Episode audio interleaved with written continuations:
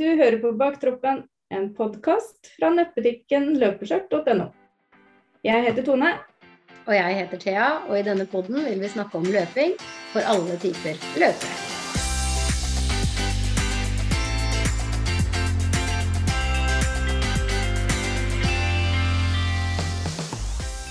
Hallo, hallo. I dag har vi med oss en gjest. Det er eh, psykolog Eirin Vinje. Hei. Hei. Velkommen. Takk. Og veldig gøy at du ville være med. Ja, jeg syns dette er veldig stas i hvert fall. Jeg har gleda meg veldig. Ja, så bra. Jeg føler liksom at du er litt sånn eh, all, all, Du kan liksom ganske mye om veldig mye. Er, er Ja, det litt takk. riktig? Eh, takk, må jeg si det. Um, ja, jeg håper jo det. Um, det. Jeg liker i hvert fall å prøve å hjelpe folk. Eh, Mm. og i og med at jeg er psykolog, eh, så hjelper jeg jo folk som har ganske sammensatte problemer. Og Mm. dermed så har jeg kanskje fått eh, en god miks og flere tilnærminger og til mange ting, da. Ja. Men du kan jo begynne litt med å fortelle hvem du er. Hvem, hvem liksom sånn the, the basic things. The basic things. yeah. Ja. Um, jeg er eh, 43 år. Eh, jeg har to barn, en på 14 og en på 9. Og så har jeg en mann eh, som også forresten er ganske glad i å sykle, ikke løpe. Mm -hmm. og så er jeg da psykologspesialist med spesialisering i rus. Ja. Og så har jeg en doktorgrad i årsaker til spiseforstyrrelser. Yeah. Eh, og så har jeg jobba mye med folk med type 1-diabetes og andre sykdommer. Eh, og det er først og fremst eh, fordi at jeg også har type 1-diabetes selv. ja. Da Mm. har jeg litt eh, fordel, og, rett og slett det er en fordel, fordi at diabetes er en ganske mm, ensom og, litt vanskelig sykdom Mm. å forklare til andre. Eh, så ja, jeg vet ikke, skal jeg fortelle videre om det, eller? Nei, altså det du kan si, Hvis vi skal ta den enkle versjonen av det, så er jo type Ja. 1-diabetes er jo på en måte, den er sprøytemedisinstyrt, er det ikke det? Det er jo ikke matstyrt. Toeren er jo matstyrt, og eneren er jo Ja, Er det riktig? eh, eh, ja og nei. Ja. Eh, type 1-diabetes, da mangler man eh, evnen til å lage insulin, på en måte. Fordi Mm. mitt immunforsvar har ødelagt så mye av de insulinproduserende cellene at den vanlige stoffskiftekjemien i cellene, altså det som gjør om mat til energi, det fungerer ikke normalt lenger. Nei. Så hvis ikke jeg hele tiden, og da Nå går jeg på insulinpumpe, så jeg får det litt hele tiden. Men hvis man ikke tilfører insulin hver eneste dag, og passer på at man har insulin i kroppen hver eneste time, så blir man akutt alvorlig syk Ja. og kan dø. Eh, Ja. Sånn at eh, det er, det er en akutt og kronisk sykdom, fordi du kan både få akutt for høyt blodsukker, og du kan få akutt for lavt blodsukker. Mm.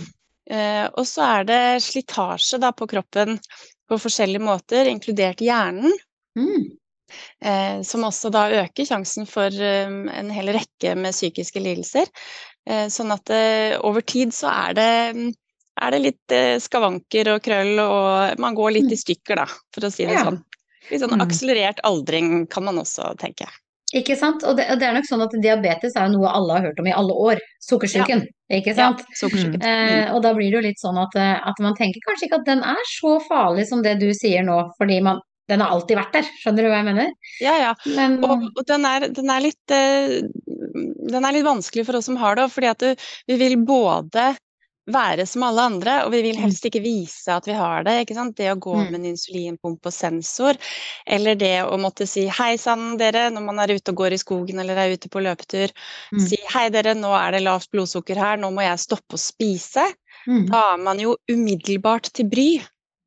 ja. Og det er det jo egentlig ingen som vil være Nei. eh, til bry for familie og venner og for fremmede. Og, ikke sant? Det er eh, mye ubehag knytta til det, samtidig som vi må ta hensyn fordi det er akutt liv og død, egentlig, rett og slett. Vi holder på med Mm. 24 timer i døgnet hele året. Ja, tenk det. mange år.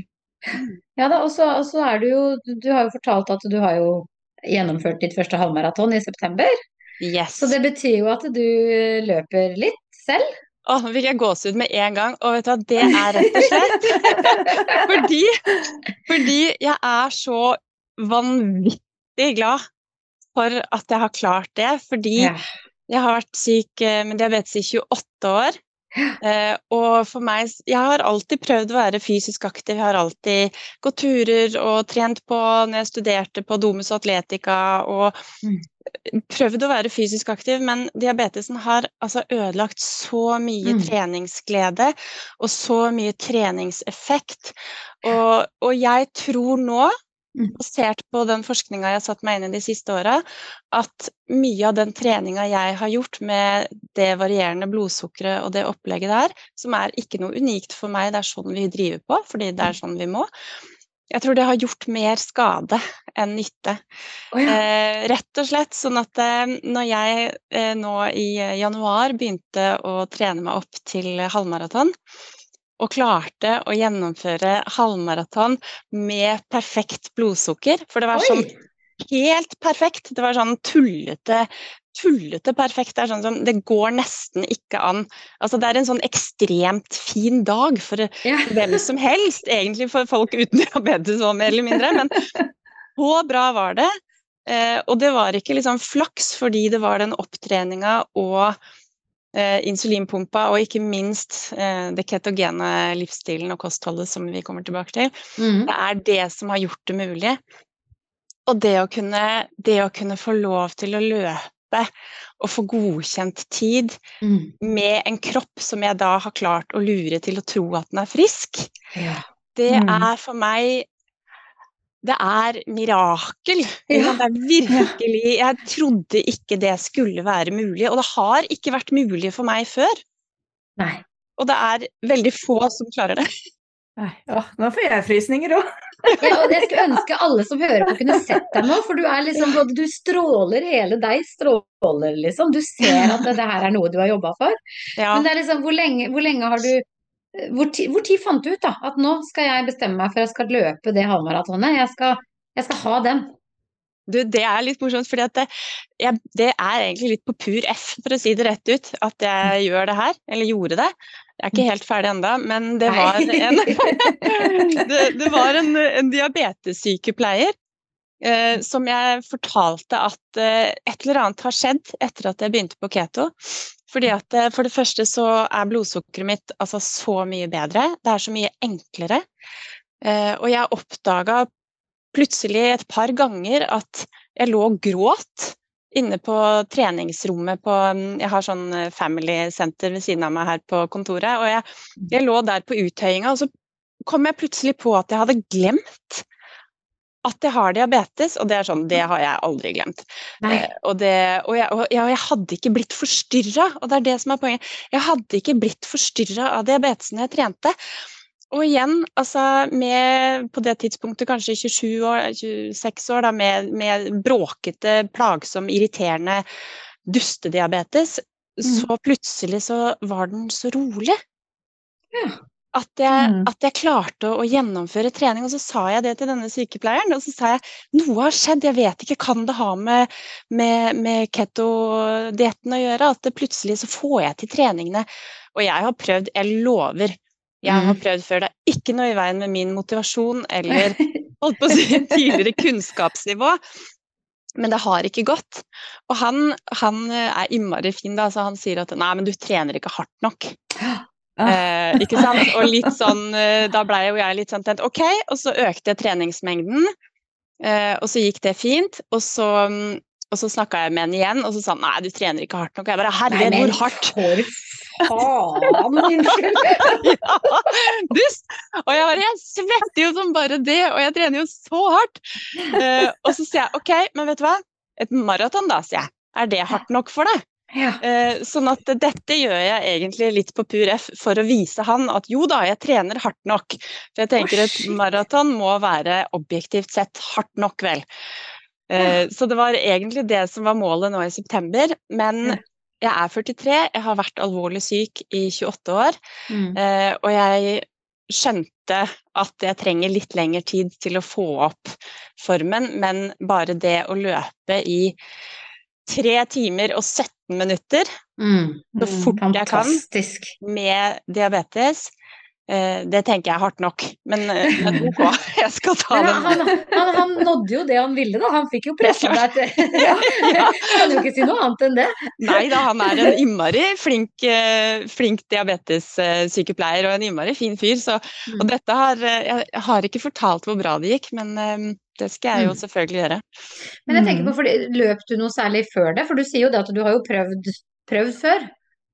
Ja, jeg har aldri turt å løpe ute, eh, fordi at eh, stort sett blir det trøbbel med diabetesen. Eh, og så Mm. har jeg litt migrenetendenser, så jeg også har eh, ofte fått eh, sånn eh, sterk aura-migrene når jeg har blitt kald på mitt hode og litt sånn vind og svett og sånn. Så, så litt sånne issues har jeg jo, men, men det også har rett og slett roa seg, og jeg har turt å løpe ute.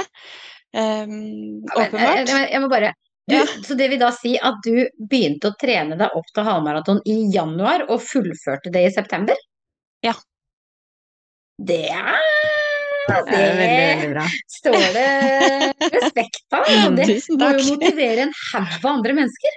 Jeg håper jo det, fordi at eh, igjen da, jeg, ser, jeg er ikke noe eh, unik på noen som helst måte. Dette her Jeg kan er si at du er litt unik. Ok, tusen takk, da er ferdig. Den må du få. Den må du få. Ja. Takk, jeg, tar, jeg er veldig god til å ta imot komplimenter, det tar jeg sånn. Men, eh, men, men jeg, jeg, tenker jo at eh, eh, dette, mm, dette var et eh, forsøk for å som sagt vise eh, diabetessykepleier Anders at, eh, at eh, jo, jeg trener hardt nok.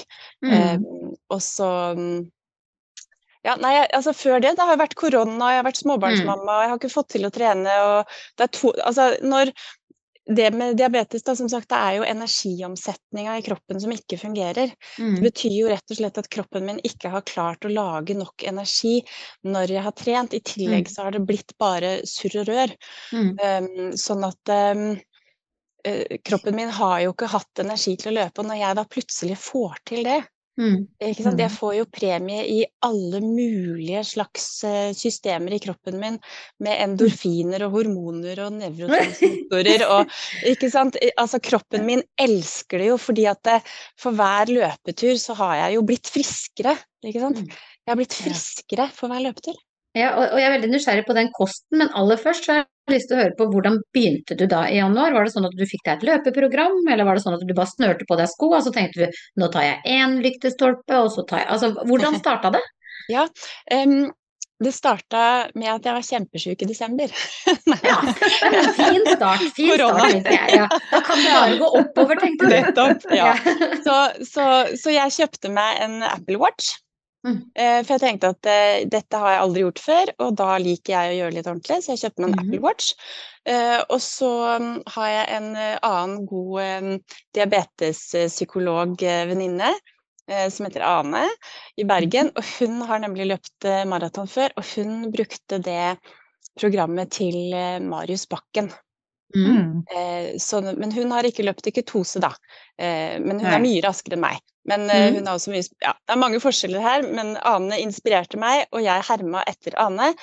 Eh, og mm, kjøpte meg det programmet til Marius Bakken og begynte. Og det jeg så da, da Det var rett og slett at jeg gjorde en feil jeg tror de fleste nybegynnere og mosjonister gjør. I Mhm. tillegg til at jeg tror det er litt ekstra høy risiko for at vi med diabetes gjør det. Men det er at jeg begynner jo altfor hardt. Ja. Mm. Kjørte på, ikke sant. Sånn at de mm. første treningene så så jeg at pulsen skulle ligge mye, mye lavere. Mm. Eh, og det var jo veldig deilig, fordi at da ble jeg jo ikke så sliten i starten. Eh, og det øker jo sjansen for at man trener igjen, som jo Ja, ja, er ja. poenget. Ikke sant? Det er sant. Ja, så jeg starta med det programmet, men eh, jeg har jo ikke fulgt det ordentlig, fordi at det er jo et sånt 100-dagersprogram, Ja. eh, og jeg hadde jo ni måneder.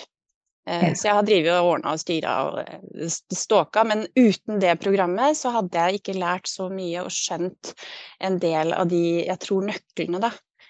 Både med å variere tid og intensitet, og ikke minst den, for meg, da, litt sånn psykiske Eller hva skal jeg si Mm.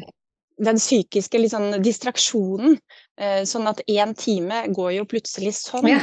Kjempefort, fordi at jeg følger med på minuttene og, Mm. og teller ikke sant, pauser og ikke-pauser. Og så men Ja, for du klarte ikke å løpe i strekk med en gang, liksom. Du måtte ha noen gåpauser innimellom. Det var ikke sånn at du er ikke en av de som bare snører på seg skoa, så nå er jeg blitt en løper, jeg, så nå kan jeg bare løpe så langt jeg vil. Nei, det har vært, eh, det har vært mye gåing, ja.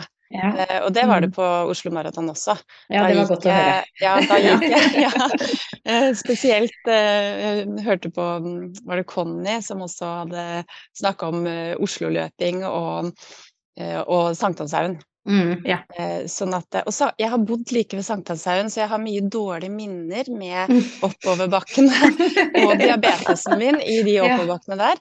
Så, så for meg så var det også en sånn seier, det å kunne på en måte både gå fort da i oppoverbakkene der og løpe der. og liksom, Jeg tenkte når jeg løp der og var der, at nå tar jeg på en måte Sankthanshaugen tilbake. Ja, Nå lager jeg gode minner i disse bakkene som jeg har strevd med når jeg har gått til universitetet før. ikke sant? Det er ikke Ja, så og da gjør jo du deg sjøl enda mer unik, for du er den ene blant 22 000 som sikkert tenkte akkurat det i Sankthanshaugen. Det, var- det, var ingen- det var vel ingen andre som lagde gode minner i Sankthans.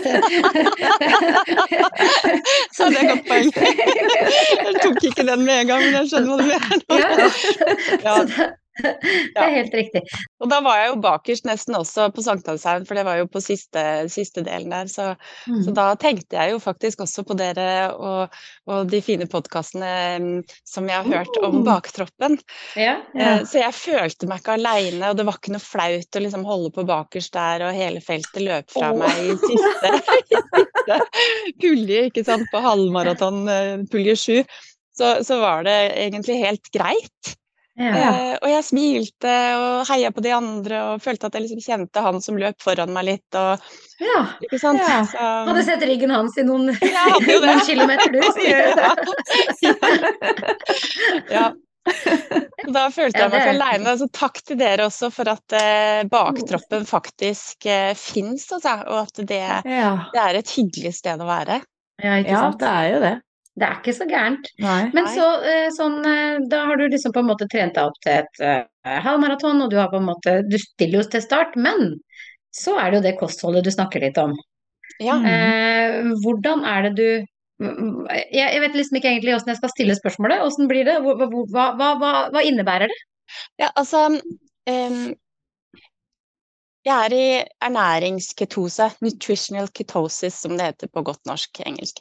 Eh, og det innebærer at kroppen min bruker fett som hovedenergikilde. Ja, for du spiser ketogent. Ja. Men, Ja. men mitt, det, det jeg ønsker å få fram også, er at man trenger ikke å spise det, men ketogent kosthold er én måte å komme i ernæringsketose på. Mm. Uh, Sånn at målet er å være fettforbrenning, og så er det flere måter å gjøre det på.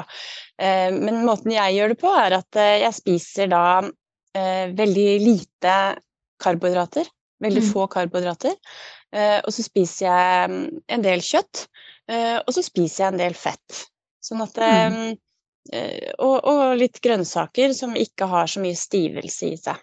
Mm. Eh, og det gjør at eh, kroppen min eh, er i ketose, og det vet jeg fordi at eh, jeg måler ketoner i blodet. Og hvor lenge har du gått på det kostholdet her? Når begynte du med det? Det begynte jeg litt tilfeldig med, uh, uten at jeg egentlig skjønte at det var det jeg gjorde, for ca. fem år siden. Ja, det er så lenge siden. siden. Ja, det er såpass lenge siden, og det gjør at jeg jeg er ordentlig keto-adapted, som det heter. Sånn at min Mm. kropp er skikkelig god på å både brenne fett, men også til å lage nytt, ny glukose når jeg trenger det. Mm. Og den sparer glykogen, som er jo relevant i forhold til alle med løping. Jeg er jo litt opptatt av disse glykogenlagrene. Men jeg bruker da altså ikke så mye av det, og kroppen min er like god som deres kropper på å lage nytt glukogen etter at jeg har trent. Mm. Nettopp. Sånn at eh, jeg spiser Det er liksom tre hovedregler. Da. Man spiser Man skal prioritere protein, Mm. eh, som er kjøtt og fisk og egg, basically. Eh, så skal man redusere Nei, unnskyld. Prioritere protein, redusere karbohydrater. Det er basically brød, pasta, potet. Eh, alle åpenbare sukkerkilder. Mm. Um, og ris, ikke minst. Ris er jo det verste jeg kan spise. i Er det sant? Ja, i forhold til Mm. mitt blodsukker. Det Mhm. altså, krever så mye insulin og skyter blodsukkeret mitt i været. Mm. Gjelder det for friske personer også? Ja, det er det. Det er det, Mm. skjønner du. Det gjør det. Ja, sier jeg. Ja. Jo, men du vet jo, du vet jo litt om det, Tone, du også. Eh, Men det er helt, eh, det er helt riktig. Det, det krever Altså, blodsukkeret deres kan bevege seg en del, men for vanlige friske folk så vil da kroppen deres skille ut mye mer insulin. Eh, Mm. Men så viser det seg at eh, verken disse blodsukkersvingningene eller store insulinutskillelser over tid er så veldig bra for flere ting, men Mm. spesielt i hjernen. Eh, Sånn at eh, Ja. Så prioriter Mm. protein, reduser karbo og fyll på med fett, inkludert metta fett, til du blir mett og det smaker godt. Så dette er ikke noen sånn sultekur på noen som helst måte. Man skal spise seg mett, Mm. eh, men man skal spise mest mulig ikke sant, hel mat. Altså det som er sånn gammeldags, litt sånn eh, ja, før eh, jordbruksrevolusjonens type mat. Mm. Det er jo rein mat, egentlig. Ja. Det er bare Men vil det si at du aldri sitter og spiser godteri, for eksempel? Eh, eh, det er feil. Ja, nå har jo du sykesjuken, da, men eh, eller Jo, men det er feil. Ja. Ja. Eh, Jeg, jeg skal innrømme at eh, jeg er veldig glad i sjokolade, så jeg spiser litt grann mørk sjokolade hver dag til lunsj. Å ja. ja. Og, det, og det går fint, fordi eh, jeg spiser det til måltidet, og så spiser jeg ikke masse, men jeg spiser et par-tre biter, sånn at jeg får liksom tilfredsstilt både kosebehov og um, sjokolade- og søtebehov, på en måte. Mm. Men, Mm. men jeg spiser det til måltidet, som gjør det lettere. Eh, og jeg spiser ikke så mye, og jeg spiser stort sett sjokolade som er langsom. Da. Altså, det er ikke mye karbohydrater i det, egentlig. Nei, riktig. Men jeg lider ingen Og så drikker jeg litt vin. Ja, Ja. for, det, for det Man skal egentlig ikke drikke alkohol på ketose. Igjen, det, altså, dette er så store individuelle forskjeller, Ja. det er masse forskjellige meninger og sånn, men poenget igjen da, er at eh, er jeg i ketose, um, så er jeg i ketose, og så er det et litt sånn større regnestykke, men min kropp tåler det veldig bra.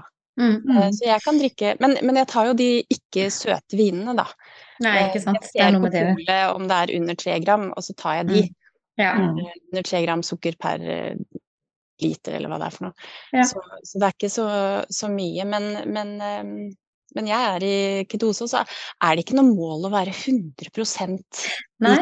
ikke sant? Nei, sånn at om jeg går litt opp og ned, og jeg var i høstferien var jeg i Kreta, og der får man jo vi kalte det dessert om du vil eller ikke. For der Ja.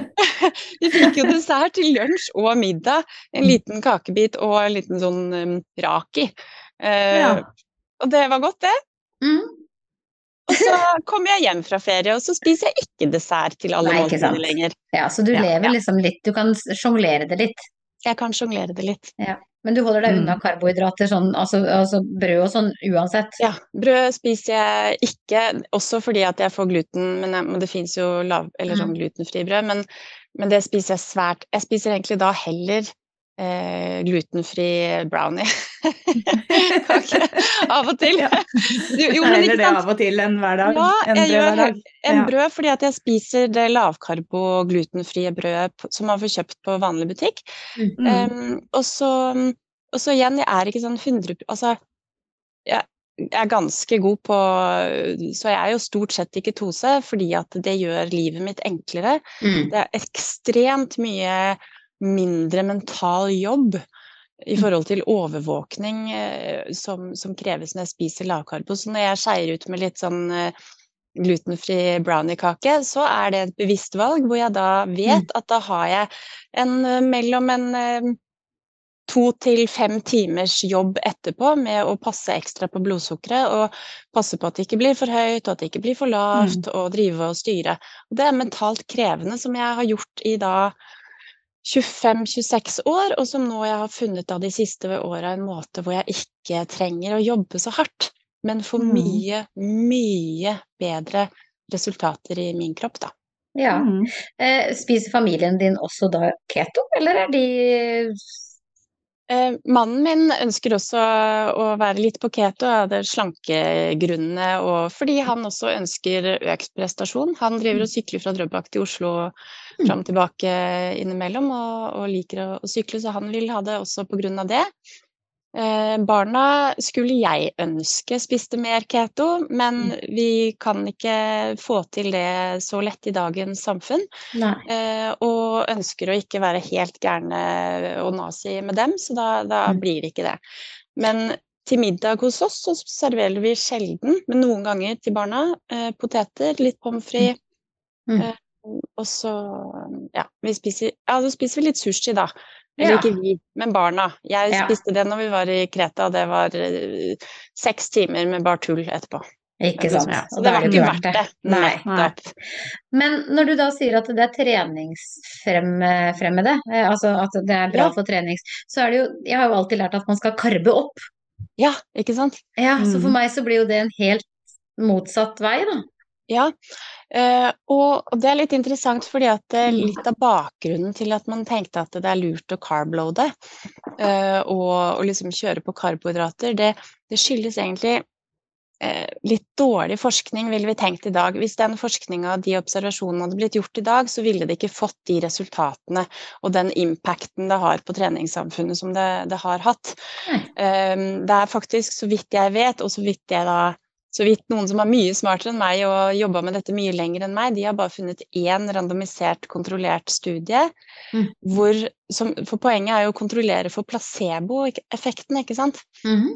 Fordi vi mennesker er utrolig til å få til ting, og egentlig også få, sette i gang kroppens egne helbredelsesprosesser Mm. og prestasjonsprosesser og smertelindring og alt mulig, hvis vi tror at vi får noe virksomt stoff, ikke sant. Ja. Eh, og det har kun vært én randomisert, eh, kontrollert studie med carbloading, og den viste ikke noe god effekt av det. Altså det var ikke noe forskjell. Så det er egentlig bare en hype, det er en trend som en eller annen har plukka opp en eller annen plass. Ja, og så har det balla litt på seg, og så, eh, og så, mm, og så er det jo sånn at man får jo lavere blodsukker, alle gjør det når man eh, løper, men, men hvis man, sånn som meg nå da, og sånn som mange andre, og de som forsker på det og har gått over på det, um, når man går over for, på fettforbrenning, så får man en mye mer stabil unnskyld, energikilde. Mm. Um, og, og altså, for det første er den jo stabil, for den andre så er det jo mye, mye mer energi vi har på kroppen lagra som fett. Mm. Men vi får ikke tak i det fettet hvis vi har levd på et uh, høykarbokosthold, fordi at da er insulinnivåene så høye. Ja. Uh, og for å få tak i fettet vårt inni cellene, så må insulinnivåene litt lenger ned, for ellers så er det et enzym som på en måte lokker døra inn til cellen. Oh, ja. Eh, og derfor er det at si, vanlige folk er nødt til å fylle på med sukker underveis, fordi at eh, de får rett og slett ikke tak i fettet sitt på samme måte. Da. Eh, og kroppen er ikke vant til å brenne fett på samme måte. sånn at det, det, er også det man kaller som ketoflu, eller at det er litt i overgangsfasen. Så, så kan noen, jeg merka ikke noe, jeg vet om flere som ikke har merka noen ting, men, men noen kan merke at kroppen er litt sånn rar i den overgangsfasen. Mm. Um, men, men det er en hel rekke fordeler altså, med fettforbrenning. Veldig mange gir opp litt fort, syns jeg. Når det, hvis de skal prøve å gå på lavkarbo eller keto, eller Ja, og det er så jo ikke syns så de at det blir så tungt. Og Ja. så har de prøvd kanskje bare noen dager, så du må gi det litt lenger enn det. Ja, man må gi det litt lenger enn det, men det er ikke så Mm. lett. fordi sant, helsemyndighetene i Norge de, de er jo ikke så veldig åpne for dette enda. Det har skjedd Nei. små endringer der òg. Mm. i ordlyden på hvordan det er både i behandlingsretningslinjene for diabetes, både type 1 og 2, og, og i forhold til ja, andre, andre lidelser også, men, og kosthold generelt. Eh, Men Norge, det er min påstand, da, og folk Mm. vil jo være uenige. Det er, eh, men, men, men det er en del forskning som kanskje ikke har blitt tatt med, og korrelasjonsforskning og epidemiologisk forskning er vanskelig å tolke, fordi det er som regel flere enn én variabel som kan forklare forskjellene mellom gruppene, da. Mm. Eh, Men, men, men hva, altså når du skal Var du nervøs for det første når du skulle løpe så Hadde du løpt så langt i det hele tatt i treningssammenheng også? Ja, jeg hadde jo det. Fordi at Ja. eh, eh, jeg oppdaga underveis i treningsplanen min, holdt jeg på å si, at eh, når jeg økte Eller kom til neste ters eller ikke terskel, men neste platå, Mm. eh, så merka jeg at eh, eh, jeg fikk litt mindre insulinbehov. Det er jo det at blodsukkeret gikk litt mer ned. Ja. Eh, Men så når jeg var på det pl- treningsplatået, så flata det seg ut, og så jeg Så var det plutselig ikke noe forskjell om jeg trente eller ikke, og det i seg selv er ikke vanlig i, diabet i diabetes treningssammenheng, da. Men Ja. så merka jeg at hvis jeg var på det platået en stund, så trengte jeg plutselig mer insulin.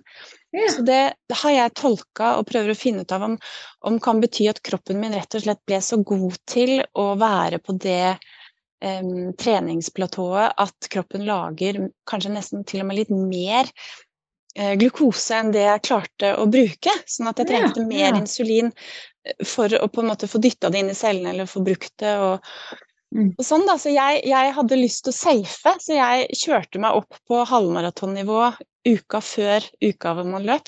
Å ja, så du Eh, forberedte deg så godt, ja.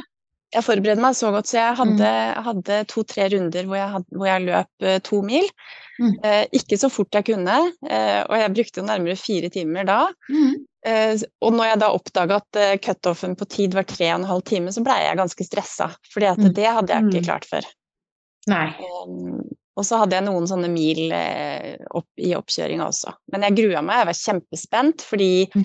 eh, før løp også, så er det også vanlig at eh, ikke sant, disse nervene kommer, Mhm. og da, da skyter blodsukkeret opp i været. Mm.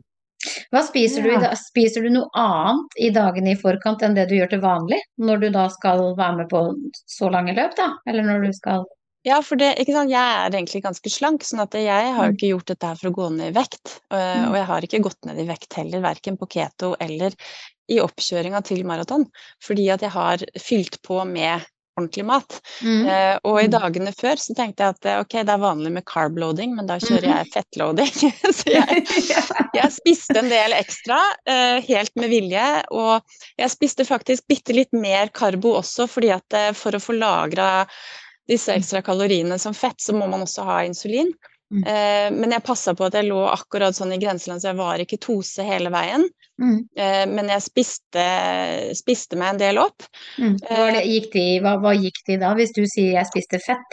Hva spiste du? Liksom, var det smør? Var det, altså, Ja, ja. Nei, det er smør, det er eh, oster, det er um, uh, Jeg har brukt mye kokosmelk eh, som Ja. eh, kakao-kaffe-type sak. Eh, og den er det 18 gram fett i per 100 gram, sånn at, eh, og så drikker jeg da eh, 250 milliliter, sånn at eh, Ja. der får jeg jo nesten 500-600 kilokalorier inn. Hvis man skal telle kalorier, ja, cirka det. Ja. Em, og da først og fremst i, i form av fett, sånn at det er um, og, og det er mye metta fett, og jeg vet Mm. at uh, mange blir jo helt uh, livredde, men, men den forskningen igjen da er ikke så entydig som det mange, si, mange mener og, og sier.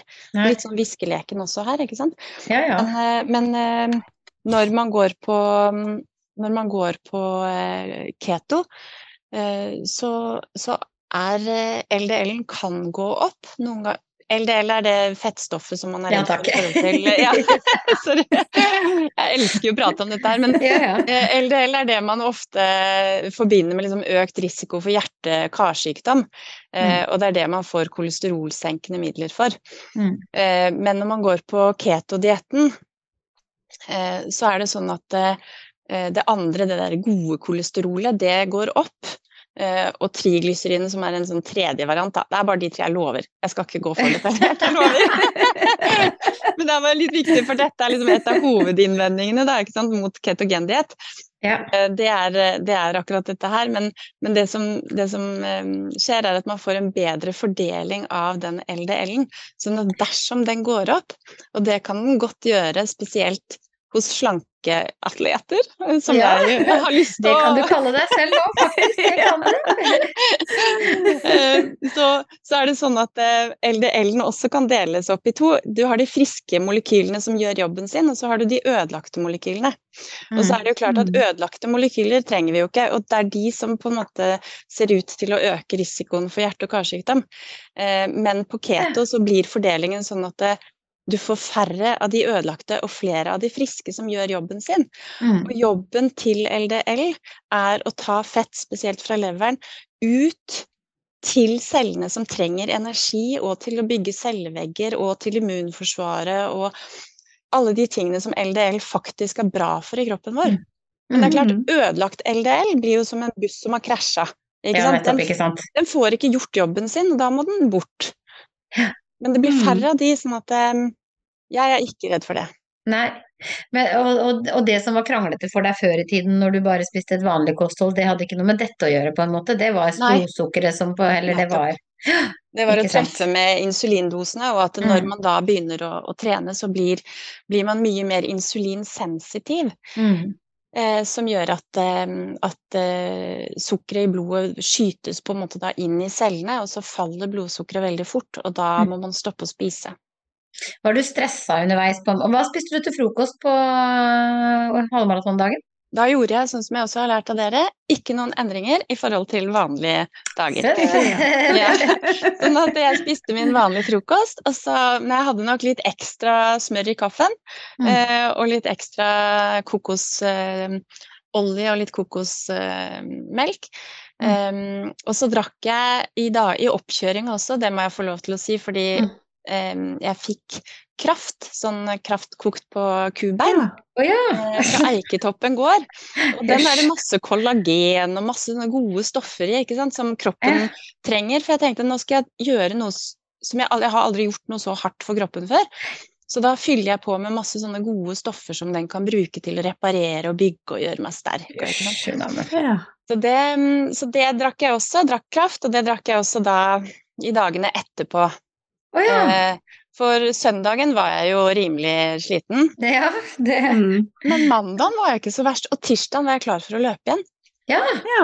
Sånn at eh, det var ganske kjapp eh, recovery time der. ja. Mm. Hadde du med deg noe på lomma, liksom? Som øh, Altså, du har jo, som du sier, du var jo ute en stund, og det, var, det er jo et langt løp. Ja, jeg hadde, jeg hadde med meg ekstra mm, måleapparat både til ketoner og til blodsukker, i tilfelle sensoren eh, som jeg har eh, på armen eh, skulle streike. For den, eh, det, det opplevde jeg når jeg skulle løpe mm, sentrumsløpet, som var det aller første løpet i hele mitt liv. Ja, for du var med der òg, ja. Ja, Ja. På, på mila der. Og da, da, da streika sensoren, og da løper man. Det er som å løpe ikke blinde, det skal jeg ikke si, men det er, det er skummelt, da. Det er veldig skummelt å løpe Ja. og ikke vite hva blodsukkeret er. Um, så, så jeg hadde med meg ekstra måleutstyr, og så hadde jeg med meg en ekstra insulinpenn med hurtigvirkende insulin i tilfelle Ja. jeg plutselig skulle trenge det. Og så Mhm. hadde jeg med litt ekstra eh, druesukker som jeg kunne ta. Men jeg hadde ikke tenkt å spise noe særlig, og jeg hadde tenkt å spise litt, eh, ta fire-fem sånne glukosetabletter når jeg var kanskje på 12-13 km. Mm. Ja. Så det var det jeg hadde tenkt. Men jeg må jo si det er sporty, da, for at igjen, da du begynte å løpe i januar, og sentrumsløpet er jo i slutten av april. Ja. Så det jo er jo Ja, det, det jo er jo ganske Hvordan gikk det, følte du? Det gikk også, egentlig for meg gikk det jo veldig bra. Jeg var jo i baktroppen der òg. Ja, så var det Eh, jækla varmt den dagen. Ja, jeg syns det var deilig. Jeg er jo litt frossen, jeg da, så jeg Å, ja. det var veldig deilig. men jeg syns det var deilig. Men, ehm, uh, men da løper jeg på 1 time og 27 minutter. Mm -hmm. uh, og, og for meg var jo det en ny rekord, selvfølgelig for meg også. Alt er jo det Ja. for meg. Um, um, Er ikke det deilig? Nå Ja. er det på en måte Det er bare rekorder du setter bare rekorder? Ja, det er fantastisk. ja. men, det- men det gikk også veldig Men det var skummelt i den forstand at da da løp jeg jo ute og hadde ikke ikke sant? Jeg har jo stort sett trent inne på treningssenter og hatt det trygt der. Mm. Em, så da løper jeg jo ute i verden, og Mhm. Så det er litt sånn angsttrossing. Eh, Men det er egentlig ikke angst heller, fordi angst er jo irrasjonell frykt. Mm. Men, men den frykten jeg har, er jo faktisk rasjonell, fordi at det kan oppstå farlige situasjoner. Mm. Eh, og da Mhm. er det ubehagelig å ikke være på treningssenter hvor jeg er trygg og kan bare sette meg i garderoben og gjøre det jeg trenger til jeg kommer meg inn. Hva slags farlige situasjoner er det du tenker på da? Er det nei, det er hvis plutselig eh, blodsukkeret skulle bevege seg i en eller annen retning. Og, mm. og selv om jeg ikke har hatt det sånn i det hele tatt de siste fire-fem åra på keto, så har jeg jo 25 år med erfaringer hvor, hvor, det, hvor jeg ikke har hatt den forutsigbarheten og den kontrollen Mm. som jeg har nå. Mm. Og er det én ting som er slitsomt for mental helse, så er det å tap av forutsigbarhet og tap av illusjon av kontroll. Ja. Mm. Har du på deg noe sånn når du er ute og løper, da, har du på deg noe som kan vise andre at du har diabetes? Et Eh. kjede eller armbånd eller Eh, godt spørsmål. Jeg hadde i starten jeg fikk diabetes, så hadde jeg et armbånd. mm. Um, og noen har uh, tatovert uh, sånn type 1 på håndleddet. Um, jeg har jo insulinpumpa på meg, sånn at jeg tenker hvis det skjer noe, så vil folk skjønne at noe har skjedd og ringe ambulanse. Og når de da holdt på å si klipper av meg klærne, så vil de se insulinpumpa, Mm. regner jeg med. Jeg har, har pumpa festa i bh-en, sånn at den er relativt liksom, i veien hvis man skal gjøre noe hjertegreier eller et eller annet. Mm. Nettopp. Så, men, men det er et godt poeng. Eh, Mm. Det burde man egentlig ha noe mm, identifikasjonspapirer med 'jeg har diabetes'-type Mm. Og hva gjør Mm. mannen i gata hvis man Ikke skulle Ikke sant? Mm. Men du har vært med på sentrumsløpet, Oslo Maraton. Er det noen flere du har eh, raska med deg på veien der, da, eller? Ja, fordi altså, tingen var jo nettopp som jeg sa, at eh, man må øve på hvordan man skal ha diabetes med nerver. Ja. Eh, sånn at det var også helt bevisst valgt at jeg meldte meg på mange løp. Å ja. eh, for å øve på å ha nerver før eh, halvmaraton, eller maraton. Mm. Eh, ja. Men eh, eh, Så jeg løp Breivoll run. Eh, det Aldri et, hørt om. nei, jeg tror det er et ganske nytt løp i Akershus. Har de medalje der, eller? Der var det medaljer, vet du. Eh, men det eneste som var, var at der ble jeg litt opptatt av pulsklokka mi. Eh, og det viser seg, altså var jeg ikke helt i form den dagen, så jeg, så jeg brøt. Jeg løp eh, fem kilometer, og så avslutta jeg, for jeg tenkte at eh, jeg har ikke dagen. Pulsen var før jeg starta godt over nivå fem omtrent. Mm, Eller på øvre del av nivå fem. Ja. Så, jeg, så jeg ga meg. Så da Mm. tok jeg ikke med medalje. Mm. Jeg syns ikke jeg fortjente den. Nei, nei da. Var det to runder, da? Eller sånn at du kunne Ja, gi deg en runder. runde? Ja. Ja, det var to runder. Og det merka jeg også at eh, jeg tror ikke, jeg tror ikke det er den beste løpe... Hva skal jeg si løpe eh, Opplegget for meg, at man må løpe runder. Nei. Eh, for det merka jeg når jeg løp inn til mål, og selvfølgelig var det jo noen som var på sin eh, siste runde som løp forbi meg på vei Mm. inn. Og da kjente jeg at det, jeg var ikke kjempemotivert til å Nei. kjøre på en runde til. Nei, det er litt demotiverende noen ganger, det, altså. At uh, når man ser liksom alle andre komme i mål, og de er ferdige, og så skal man ut på en runde til, kanskje helt Ja. aleine. Ja. Og det, det er litt demotiverende. Der er det hodet man må jobbe med, tror jeg. For jeg er heller er ikke noe god på det. Ja, jeg er ikke god på det. Derfor så har jeg egentlig tenkt eh, å, å lure med meg min gode venninne Mariell, da. Som ja. var og støtta meg på, på eh, halvmaraton. Så jeg har lyst til å prøve å få med henne på det som kalles perseløpet. Ja. Ja. Eidsvoll, for der er det åtte runder. Ja. Eh, hvis man skal løpe, det må vel være da Er det Ja, det må jo være Det kan ikke være 16 runder man skal løpe på fullmaraton. Har de fullmaraton? Ja, de har både fullmaraton og halvmaraton. Ja, ok. Eh, jeg klarer ikke å regne eller huske nå hvor mange runder det er. Det er i hvert fall innmari mange runder. Ja, du skal ikke se bort ifra det. Altså, i Hjartdal så har de jo et maraton rundt en låve, så det er jo Altså, det finnes mye rart. Ja, for jeg tenker som du sier, Thea, da, da får jeg jo virkelig jobba med hodet og det å kjøre runder. Da tror jeg jeg får kurert det, da, hvis jeg kjører en sånn Ja, men så er det jo faktisk litt forskjell på det der med de små, altså sånn som Tone Ja. dem som løp de, de 500-metersløpene. 78,5 runde, ja. Nå Ja. er de, ja. Guri Mens de der løpa som er sånn som maraton på Oslo Maraton, da, som er to Ja. runder av samme halvmaratonløypa, Ja. det er nesten hakket verre. Ja, det var det Ja, jeg syns det var mye lettere med de smårundene på 538 meter. Ja, at det eh, liksom ja. Men jeg hadde nok vært veldig vært eh, fare for at jeg hadde gått tilbake til bilen Uh, før det var ferdig. Ja. Det er nok riktig. Når det er de der små halvmaraton i Fredrikstad, da var det fire runder. Nå tror jeg kanskje de har uh, gjort om løypa litt, men Mm. da var det fire runder. Og det å komme da til runde tre Alle andre var ferdige, og målområdet var stappfullt av folk, glade, ferdige med medalje, og der skulle jeg ut alene på en runde til. Ja. Det, og komme tilbake til nesten pakka sammen målområdet og ikke noe folk, og det var litt sånn Det, Ja. det blir litt sånn Det er hardt, ass. Ja, det er veldig demotiverende, men sånn er det. Ja. Men da hadde du sentrumsløpet, og så hadde du det som du snakka om nå, og så hadde du flere, da? Ja, det var ett til. eh, Det meldte jeg meg av, for det var, i, det var et halvmaraton. For jeg hadde egentlig tenkt å kjøre halvmaratonform i sommer, og så Mm. fullmaraton, ikke sant. Ja, Men så var det jo så varmt eh, i juni, så jeg hadde tenkt på den Mm. Nordmarka eh, halvmaraton Ja. der. Ja. Eh, Mm. Men inne i skogen, da kom angsten igjen. ikke sant? Inne i skogen, hvis noe skjedde der, så blei jeg bare redd. Ja. Og så var det varmt, og så var det litt sånn livet-ting med familie og ting Mm. og tang, ikke sant, som Mm. gjorde at eh, Nei, jeg ga meg. ja. Det er de fire jeg har meldt meg opp til Nei, vent da, nå tuller jeg med det. For jeg løp også mm, eh, Fornebu rundt med eh, Oslo løpsfestival. ja, stemmer det. Ja, Ja, dem har jo ja. uti der. Ja. Men da løper jeg meg bort. Det har jeg hørt at du ikke er den første. Ja, for der er det litt Mm. dårlig merking. Er ikke det litt sånn at man kan ta Ja, man kan vel ta den når man vil, kan man ikke det? Ja, det er sånn én uke hvor eh, man eh, kan gjennomføre løpet. Mm. Eh, og så er det en sånn fellesstart eh, den siste dagen, så det var den fellesstarten jeg hadde meldt meg Ja. på, da. Ja. Eh, men eh, men jeg, jeg datt jo av lasset fort, og skjønte da ikke hvor jeg skulle løpe, så jeg bare endte opp med å bare løpe litt sånn fram og tilbake og samla ca. en mil, og så løp jeg i mål. ja, ja. Det er jo greit. Ja. Ja, men så gøy. Men hva er neste, hva er neste mål? Neste mål nå er egentlig å prøve å jobbe litt med farta. Eh, Mm. For selv om jeg trives godt i baktroppen, så, så, så tror jeg at det hadde vært deilig å ikke løpe eh, en halvmaraton på tre og en halv time. Ja, for det er jo Mm. klart at selv om man ikke bryr seg om at man er i baktroppen, så er det jo lenge å være ute. Det er, lenge, det er veldig lenge å Mm. være ute, og når jeg har en sånn eh, ikke hemmelig drøm om å løpe fullmaraton, så tror jeg ikke at seks timer eh, Det blir nesten litt for voldsomt. Mm. Um, sånn at eh, jeg har tenkt å bruke vinteren nå på å få opp farta.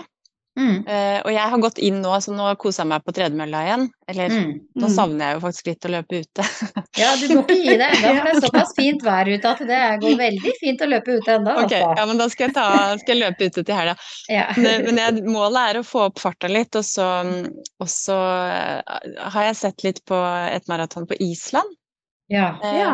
Men igjen, der er det jo litt kaldt, og det er i slutten av mai. Og, mm, jeg, Det tror jeg ikke du skal jeg tror ikke det, det blir ikke kaldt når du løper, vet du. Kaldt Ja. etterpå. Ja. Jeg må ha lue nå og sånn, jeg vet du, så det mm, Ja da, jeg også bruker det, altså. Men sånn litt av jeg 10-0, også så er man eh, Ja. ja. Det er sikkert eh, noe jeg Mm. må bare tørre å prøve å finne ut av. Og som du sier, hvis jeg løper med ull og ja. Mm. Mm. Jeg skal prøve meg fram, da. Ja, og det er jo sikkert en kjempeopplevelse. Det tror jeg òg. Ja. Det Det tror jeg. noe Så har jeg noen planer rundt det, da, men eh, ja. Kommer du til å ta Oslo igjen? Eh, kanskje. Mm. Det kan godt hende. Akkurat, jeg skal innrømme at det, var, det er jo slitsomt, da, dette prosjektet mitt. Mm. Eh, Mm. Sånn at eh, det er litt deilig å være ferdig, kjente jeg. Det er litt sånn press. Eh, selvpålagt press som jeg kan roe litt ned. Mm. Eh, men, eh, men som sagt, jeg har jo forbanna meg på at jeg skal løpe maraton for å vise han Anders at det går. Så, så jeg må jo nesten gjøre det. Og så har jeg gått høyt ut og sagt det til mange og sånn. sånn at, og det tenker jeg er helt greit. Og jeg syns det var også greit å om... Altså jeg syns det var greit at jeg ombestemte meg og tok halvmaraton Ja. når jeg ikke var fysisk klar for fullmaraton. Mm. Eh, selv om jeg vet jo noen syns at det å ombestemme seg sånn kan være, være dumt, men, Mm. men jeg tenkte helsa først. Altså, Ja. jeg treng, altså, da får jeg vise at det går an å ombestemme seg, da. Mm. Så står Jeg jeg aldri, greit jeg har aldri tenkt på det som negativt at folk ombestemmer seg, for det hører jeg så mange som sier. At Mm. å nei, da måtte jeg liksom gå ned fra den distansen og ned til en annen distanse. Så tenker jeg ja vel, så bra at du ble med likevel. Ja. Ja. For noen kan jo si at nei, jeg er ikke i form til å løpe et maraton, så da, da kan jeg ikke være med. Ja. Ta en annen sånn- distanse. Det er så dumt at ikke du kan det. Du kan jo løpe mye kortere. Det er jo hvorfor. hvorfor. Nei, det der har jeg aldri skjønt noe av, faktisk. Jeg har Nei. av mange ganger, jeg. Ja, men ikke Ja, sant, jeg det er- For de som er kanskje som meg, da, som er nye i løpemiljøet, så, og som går ut og sier at ja, men jeg skal løpe fullmaraton, Mm. eh, så kan det være litt vanskelig. Mm. Ja da, for at da, da har man allerede proklamert det. Liksom, Ja, at man Jo, eh, ja, det er, ja, det er en ting at man har sagt det veldig høyt og sånn, men, men, eh, men noen Jeg tror noen grupper mennesker syns at det er vanskeligere og Mm. vil føle det som nederlag. Og her kommer psykologen, da, ikke sant. For Ja. noen av oss har mye sterkere selvkritisk del enn andre. Mm. Ikke sant? Så da kommer selvkritikeren og banker oss opp mye hardere selvfølgelig enn det andre vil gjøre, for andre driter jo egentlig i om du løper det Ja, ene eller det det er det jeg skulle til å si. Ja, Ja. men det er, det, det er ens egen selvkritiker som kanskje vil banke for hardt da, for noen. Ja da. Mm. Ja da, det er nok riktig. Men eh, akkurat den der biten er liksom bare sånn, ja ja. Det er jo bedre at jeg gjør det enn at jeg ikke får det til. At jeg må gi meg, liksom. Helt enig. Eh, jeg er kjempeselvkritisk, altså. Det skal ikke stå på det. Men eh. Og det håper jeg liksom folk kan ta litt til seg for det er jo ingen andre som bryr seg om det. Folk mener jo mest at det er bra at de gjennomfører likevel. Absolutt. Mm. Men det blir jo litt sånn som det samme med tid og sånn òg. Men uh, Der er jeg sjølkritisk. Det er riktig. ja, det er veldig mange er jo selvkritiske på den tida. Men stort sett andre syns jo bare du er god som er uteløper. Mm. Så selv om ofte spørsmålet er hva blei tida, men det er kanskje for at de veit ikke hva annet de skal spørre om. Mm. Ja, det er godt poeng. For man er jo Ja. egentlig ikke interessert i hva tiden blei. Nei, og så har de kanskje ikke noe forhold til det heller, når de ikke løper sjøl. Så Det er helt riktig. Ja, men det er jo kjempe mm. Det er jo egentlig det man burde se litt på, sånn kosthold. Mm. Det har jo noe med Ja. det å gjøre. Mm. Ja. Og finne hva som passer seg. For jeg spiste jo lavkarbo før for mange, mange år siden, og da det gjorde jeg i mange år, men jeg ble egentlig så drittlei av folk rundt som skulle ha så mye meninger om det. Ja, for det er det som også er veldig slitsomt. Ja. veldig men jeg slitsomt. tror, jo, jeg tror jo at dette kommer til å endre seg nå. Og som jeg sa, det er en, mange fordeler med det for vanlige folk som, Mm. som ønsker å trene. Og, og for meg så var det jo en betingelse for å, altså en forutsetning for å kunne trene. Eh, Mm. Sånn at det først å få kroppen til å kunne lage ordentlig energi, Mm. få tak i energien man har på kroppen eller spiser, Mm. eh, det gjør at man kan løpe og får, får den gleden da, igjen med å Mm. kunne bruke kroppen og, og, og kunne Og sånn som min beste løpsopplevelse var jo faktisk nå i, i på Kreta, når jeg kunne løpe tur sammen med mannen min. Ja, ikke Ja. Og vi løp en runde hvor vi liksom løp litt sånn bort fra sentrum, og det var ikke noe 7-Eleven eller sånn kiosk på hjørnet hvor jeg kunne kjøpe en cola om jeg trengte. Det har, det har vært umulig for meg før. Jeg har aldri turt det, fordi det Nei. faktisk er så mye styr med diabetesen. Mens nå Mm. så kunne jeg få en hyggelig tur sammen med mannen min, og ikke minst Ja. at jeg klarte å tulle og løpe fra han litt, da. Det var jo litt Ja. Så- Ekstra stas, liksom. Ja, det var det faktisk. Så, og dette, dette er fordi at jeg fordi at jeg har eh, funnet ut av dette, til Mm. tross for alle, som, som du også, Tone, sier, at det, til tross for alle advarslene om at ikke det går og ikke det er bra Mm. og det er ikke farlig og sånn, men, Mm. men eh, når man ser på forskningen, og den forskningen bare som har kommet i forhold til vanlige treningsfolk, da, for å kalle det det, og Mm. proffetreningsfolk, så, så er det rett og slett eh, bedre for kroppen, renere energi. Det, er, Mm. det blir mindre betennelser, sånn at det reduserer skadefrekvens og, og, og øker tilhelingstid i tillegg. Mm. Eh, og ikke minst så er det en stabil og ren energikilde til hjernen. Mm. Sånn at Mm. man, går ikke, man bunker ikke eller går ikke på veggen, da, eller blir ikke tom, eller hva man skal kalle det. Fordi hjernen får en stabil tilgang på energi. Mm. For det føler du heller ikke når du løper langt, at du begynner å gå tom? Fordi du Nei, jeg har jo ikke gått tom. Jeg har jo ikke engang hatt melkesyre, fordi at eh, min, eh, min kropp eh, brenner jo fett, eh, og Mm. da, da kommer ikke det eh, på samme måte i det hele tatt. Interessant. Mm. Ja.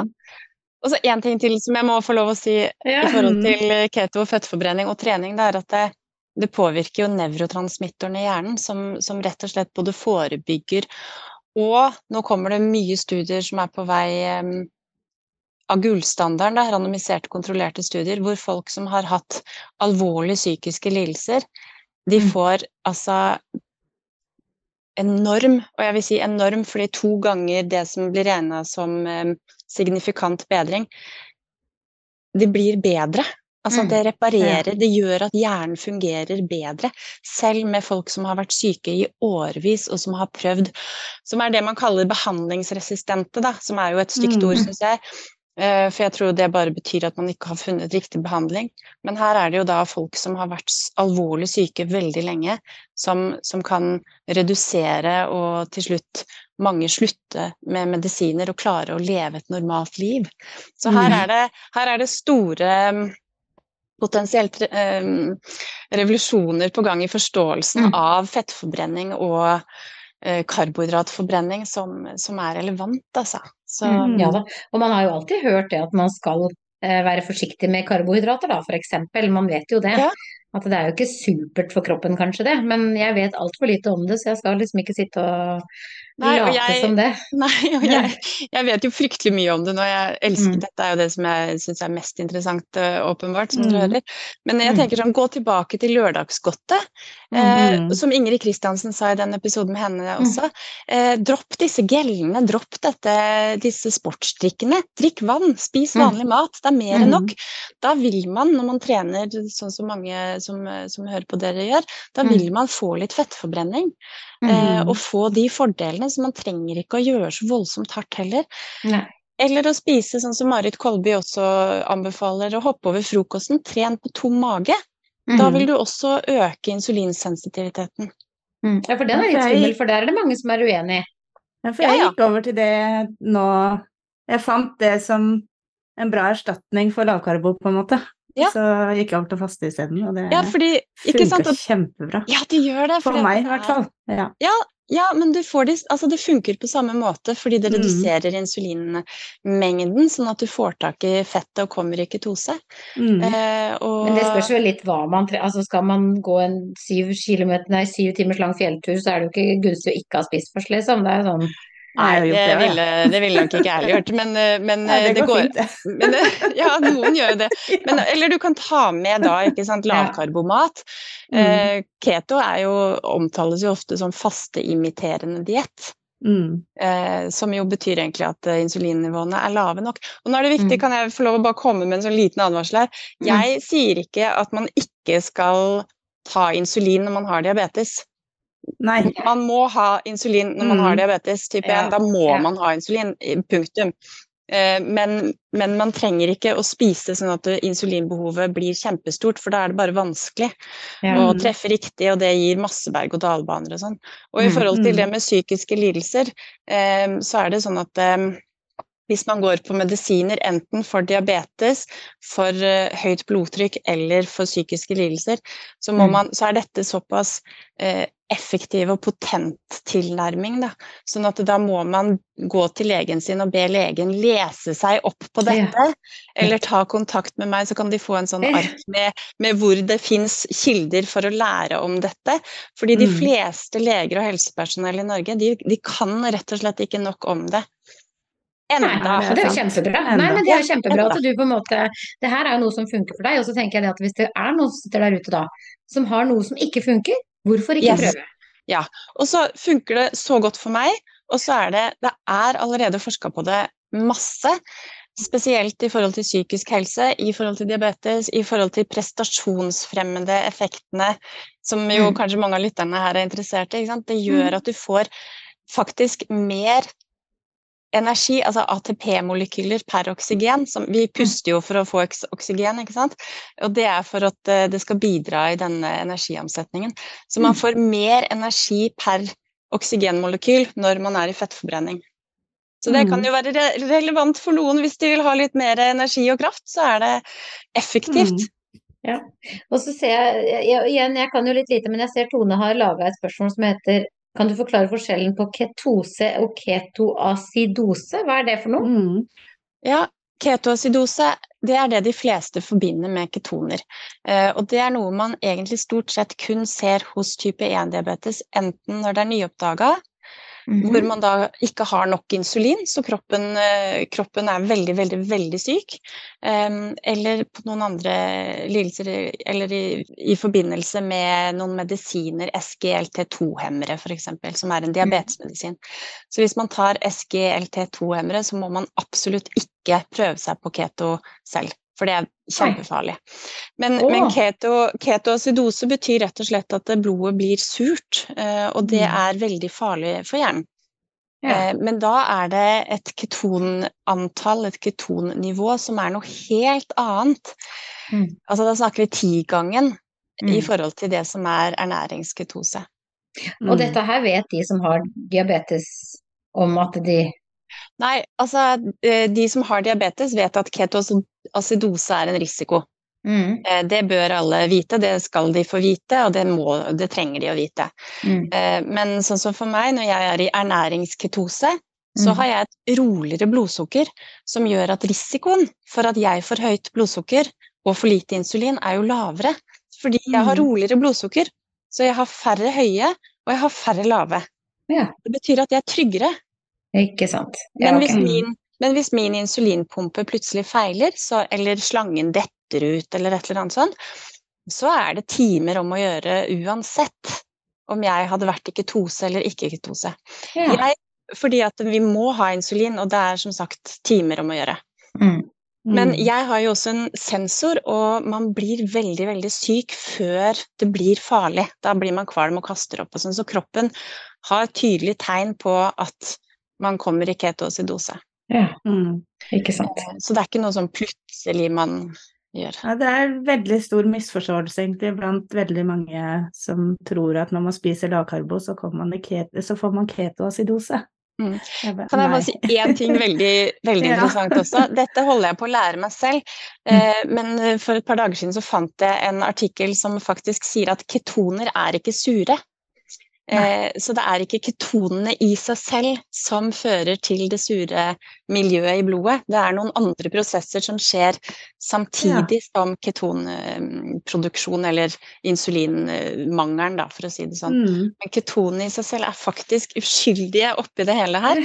Eh, de er en sånn eh, korrelasjon, sånn tredje variabel, men, men det er da noe andre eh, ting som gjør at det blir surt. Ja. Akkurat. Mm. Mm. Det må jo være egentlig veldig gøy å ha så mye kunnskap om det også, på en måte. Selv om du har måttet få kunnskap pga. en sykdom, så Mm. er det jo Det må jo være morsomt å ha brenne så for det, da. Ja, jeg føler meg fantastisk heldig, fordi at mm. eh, eh, Ja, jeg får jo mulighet til å hjelpe nå folk veldig effektivt. Mm. Mye mer effektivt enn det mange av kollegaene mine kan, både i forhold til psykisk helse og de som prøver å hjelpe folk med diabetes. Mm. Eh, Jeg kan fortelle, det var en, en dame som tok kontakt med meg med type 1-diabetes, Um, som var kjemperedd for hun skulle begynne med insulinpumpe. Mm. Og hun var en av de som var veldig, veldig, veldig redd for å ta mye insulin. Eller det man trenger av insulin til et vanlig norsk kosthold. Og jeg har fått lov å fortelle om, om dette her. Altså, det jeg, sier noe, jeg sier ikke noe sensitivt, men Eh, og det er egentlig ikke noe unikt heller, men hun hadde da altfor høyt blodsukker. Skulle få en insulinpumpe som hun var kjemperedd for. Eh, og jeg hadde to timer med henne før hun skulle ha den insulinpumpa, og jeg sa ok, du ligger på rundt 20 i blodsukker. Mm. Man skal helst ligge mellom 4 og 10, eller Mm. 4 og 8. Um, og så sa jeg at eh, du må rett og slett bare stole på meg nå, så skal jeg fortelle deg alt seinere. Men nå må Mm. du bare øve deg på å redusere karbohydratene. Og du må ta imot den insulinpumpa, fordi den er så utrolig mye flinkere enn det vi mennesker klarer i forhold til denne kompliserte sykdommen. Mm. Mm. Jeg snakka med henne på tirsdagen. På torsdagen så snakka jeg med henne igjen, og hun sa det er helt fantastisk! Blodsukkeret mitt har ligget på rundt 10, og det har det ikke gjort på, to, på de to åra jeg har hatt diabetes. Da har det bare Åh. ligget rundt 20. Og jeg bare Ja. yes, fint! Og jeg skal dra, jeg skal få den pumpa på. Og så fikk hun på seg pumpa, og greia er at ketogent kosthold hjelper insulinpumpene til å hjelpe oss.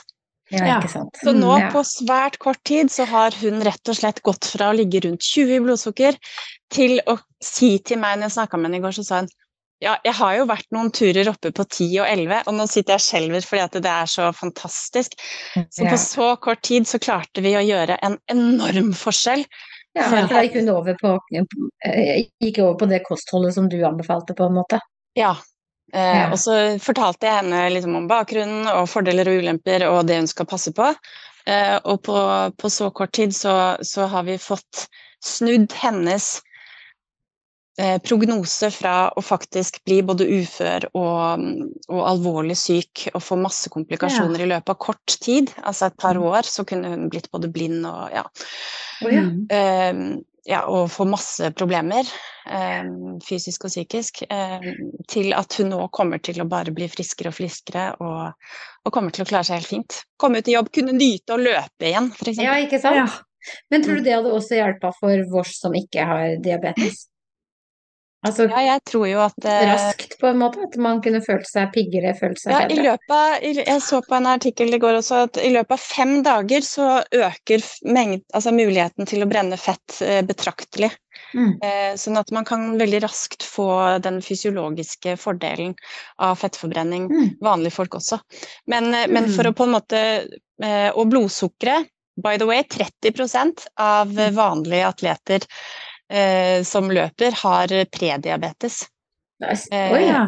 30 Det er ganske Det kraftig mange. Det er Mm. mye, altså. Eh, og, uh, og da var det, i det forsøket så var det lavkarbon, eller keton, da, som gjorde at de, uh, de ble kvitt prediabetesen. For da trente de like mye, de to gruppene, så da var det ikke treningen. Men Mhm. treningen sammen med kostholdet gjorde at de ble kvitt prediabetesen. Da. herlighet. Og det var, det var sånne sub... Altså konkurranseatleter. Mm. Um, Riktig. Jeg ser det. Jeg har jo hørt at eh, lavkarbo det hjelper bare mot diabetes 2, men de, ikke diabetes 1. Men du beviser jo det motsatte. det er vel men, kanskje eh, litt misoppfattelser rundt omkring, kanskje? Jo, men eh, det, her, er veld, her er det veldig viktig hvilke ord man bruker, da. For Mm. eh, jeg er jo ikke frisk. Nei, Eh, nei. Men sånn at jeg trenger Jeg har fremdeles type 1-diabetes, så jeg trenger Mm. fremdeles insulinen min og hjelpemidlene mine, ellers så krasjer det med en gang. Mm. Eh, mens en med type 2, der kan du reversere sånn at Og til og med øke Mm. insulinsensitiviteten, sånn at de ikke får så høyt blodsukker når de spiser litt karbohydrater igjen. Eh, Mm. men, eh, men eh, du har helt rett i at jeg med type 1-diabetes har et helt annet liv og helt annen prognose nå på lavkarbo, Mm. på keto, Ja. fordi at blodsukkeret mitt nå Altså, jeg lurer kroppen min til å tro den er frisk. Mm. Fordi den er frisk um, på en måte objektivt sett uh, i forhold til blodverdiene mine. Mm. Mm. Og du spiser jo ikke noe farlig, du spiser jo mat. Jeg spiser mat. Ja, Men ketose og lavkarbo er vel ikke det samme? Nei, det er litt det eh, er individuelt. varianter. Ja, det er gradsforskjell, Mm. fordi at eh, eh, sånn som eh, folk som trener mye, da, de kan kanskje spise rundt 70 gram karbohydrater per dag, eh, og likevel være i fettforbrenning. Eh, Mhm. Mens folk med type 2-diabetes eller overvekt eller eh, annen altså, påvist insulinresistens, de må kanskje redusere helt ned til 20 gram karbohydrater per dag Mm. for at de skal komme i fettforbrenning. Og også graden av fettforbrenning vil variere fordi, eh, fordi mellom personer er mange grunner. Fordi søvn påvirker, infeksjoner påvirker, tidspunkt på døgnet påvirker, syklusen for oss damer vil påvirke. Mm. Eh, sånn at eh, det er flere faktorer da, ikke sant, som, eh, Mm. som påvirker eh, Fordi vi er vi er ikke bare én ting. Vi er ikke bare blodsukker eller bare insulin eller bare serotonin i hjernen eller Så lavkarbo blir mer en sånn samlebetegnelse, på en måte. For Ja. Ketogent, for middelhavskosthold, for uh, Ja. ja, hva alt ikke kalles. Alle typer dietter. Ja. Mm. Så bra. Mm. Ja, ja, men da blir det jo spennende egentlig også å se hva, hvordan det går med deg framover, da. Om dette her kommer til å, å holde en så bra vei videre, på en måte. For nå har du jo blitt bitt av løpebasillen. Nå skal jo du hente Å, ja. flere medaljer. Oh Mhm. yes! Ja, ja. Og de skal vel opp på veggen. Har du et sånt uh, bucketlist-løp, da? Eh, nei, Som du vil ha? eh, altså Husk, jeg er jo helt nybegynner, og jeg har ikke turt å la meg selv drømme om Nei. det. Jeg har ikke trodd at det var innenfor noe jeg kunne klare, fordi jeg har vært så syk. Mm. Men nå, ikke sant, når dere stilte det spørsmålet, så tenkte jeg kanskje jeg kan tenke på det? Det hadde vært noe, det. Ikke sant? Så takk, det skal jeg tenke på. Men åssen er det, hvilken distanser tar du helst når du er ute og trener? Er det liksom fem, eller er det tre, eller er det ti, eller er det, hva liker du best? Vet du, jeg har gjort sånn som Marte Kristiansen sa, at jeg trener egentlig mest på tid. Ja. Um, Mm. Og så har jeg noen runder i området her, da, men nå, nå har jeg jo mitt eget lille prosjekt med å øke tid, så nå løper jeg ca. 6,1 eller annet opp til 7 km tre Mm. ganger i uka. Det er liksom Yes, det jeg har tenkt. ja. Fordi da får, jeg, da får jeg på en måte ro i forhold til diabetesen og kan på en måte gi meg selv en liten sånn mental pause igjen, for det er det mye handler om. ikke sant? Få Mm. forutsigbarhet og mental pause. Mm. Uh, og hvis jeg løper ca. det samme da, så tenker jeg det gjør det enda enklere for insulinpumpa mi å hjelpe meg. Mm. Så, så det er planen. Og så i november så skal jeg øke til sju og et eller annet. da. Så Ja. vi ser i desember om jeg klarer å øke til åtte og et eller annet. da. Ja, det høres veldig lurt og fornuftig ut. ja. Bare ikke for hardt på mølla, liksom. Nei, men jeg må ha, jeg må ha platåene, ikke sant, for å, Mm. Ja. for å ikke tulle for mye. Mm. Det blir gøy, da. Det kan jo godt hende at vi plutselig ses på et eller annet løp en eller annen gang. Da. Ja, det hadde vært veldig hyggelig. Ja. Treffes i Mm. Ja, tar du meg igjen. Men da har hun jo øvd seg opp hele året på Ja, Hun løper forbi meg. vi får se, da. Vi får se. Det er det som er planen. Altså, kanskje går det, kanskje går det ikke. Men uansett så kommer jeg til å Mm. løpe mer, fordi, fordi det, det er jo en helt fantastisk opplevelse. Og det folkehavet, og det Mm. å stå sammen med andre spente folk Mm. og, og løpe Og man blir jo plutselig Eller jeg følte jo at jeg ble bestevenner med alle, da. Ja. Eh, og, og det Jeg møtte jo Ingrid Kristiansen også, som jeg skrev på, på den sida.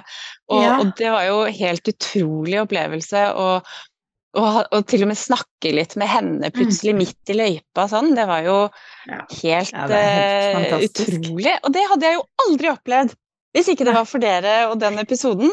Og at jeg hadde nå tør å løpe ute, da.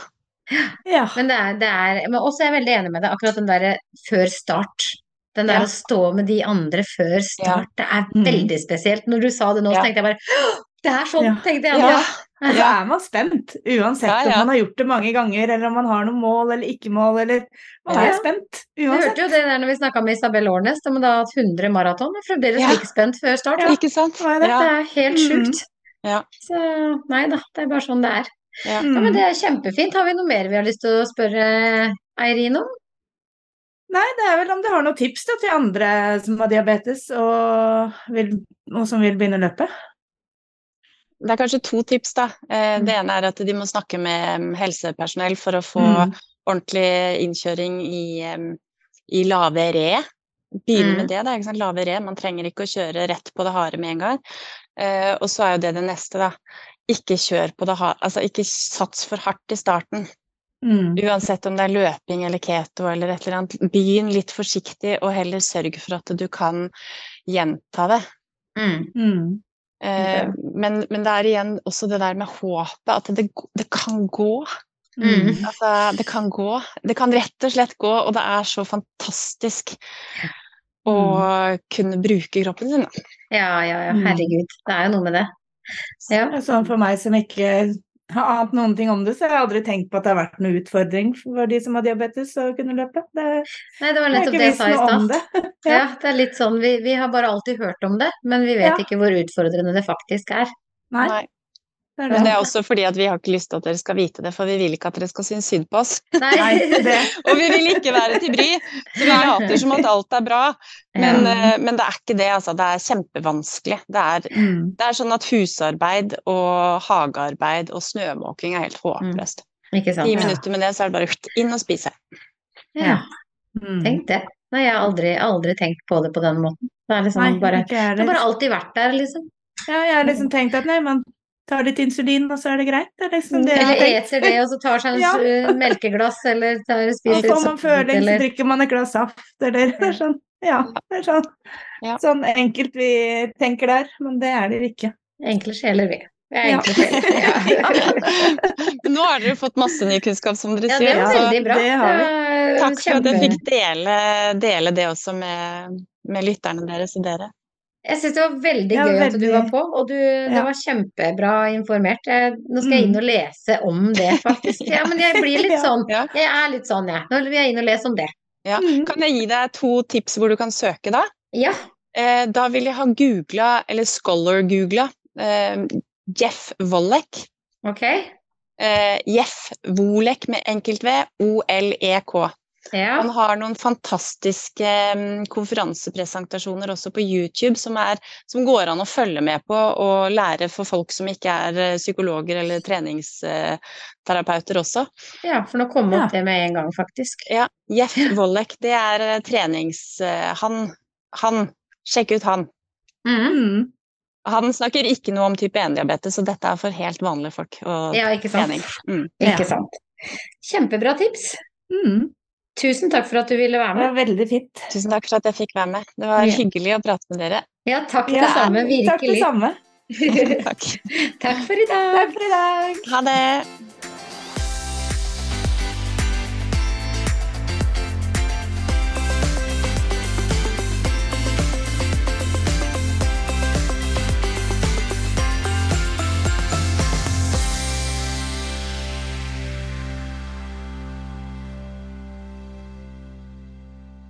Du har nå hørt en episode av podkasten Baktroppen fra nettbutikken løpskjørt.no med Tone Nordung Pettersen og Thea Stenersen.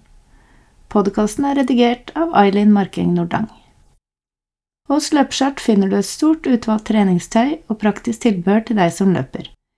Nettbutikken finner du på www.løpeskjørt.no.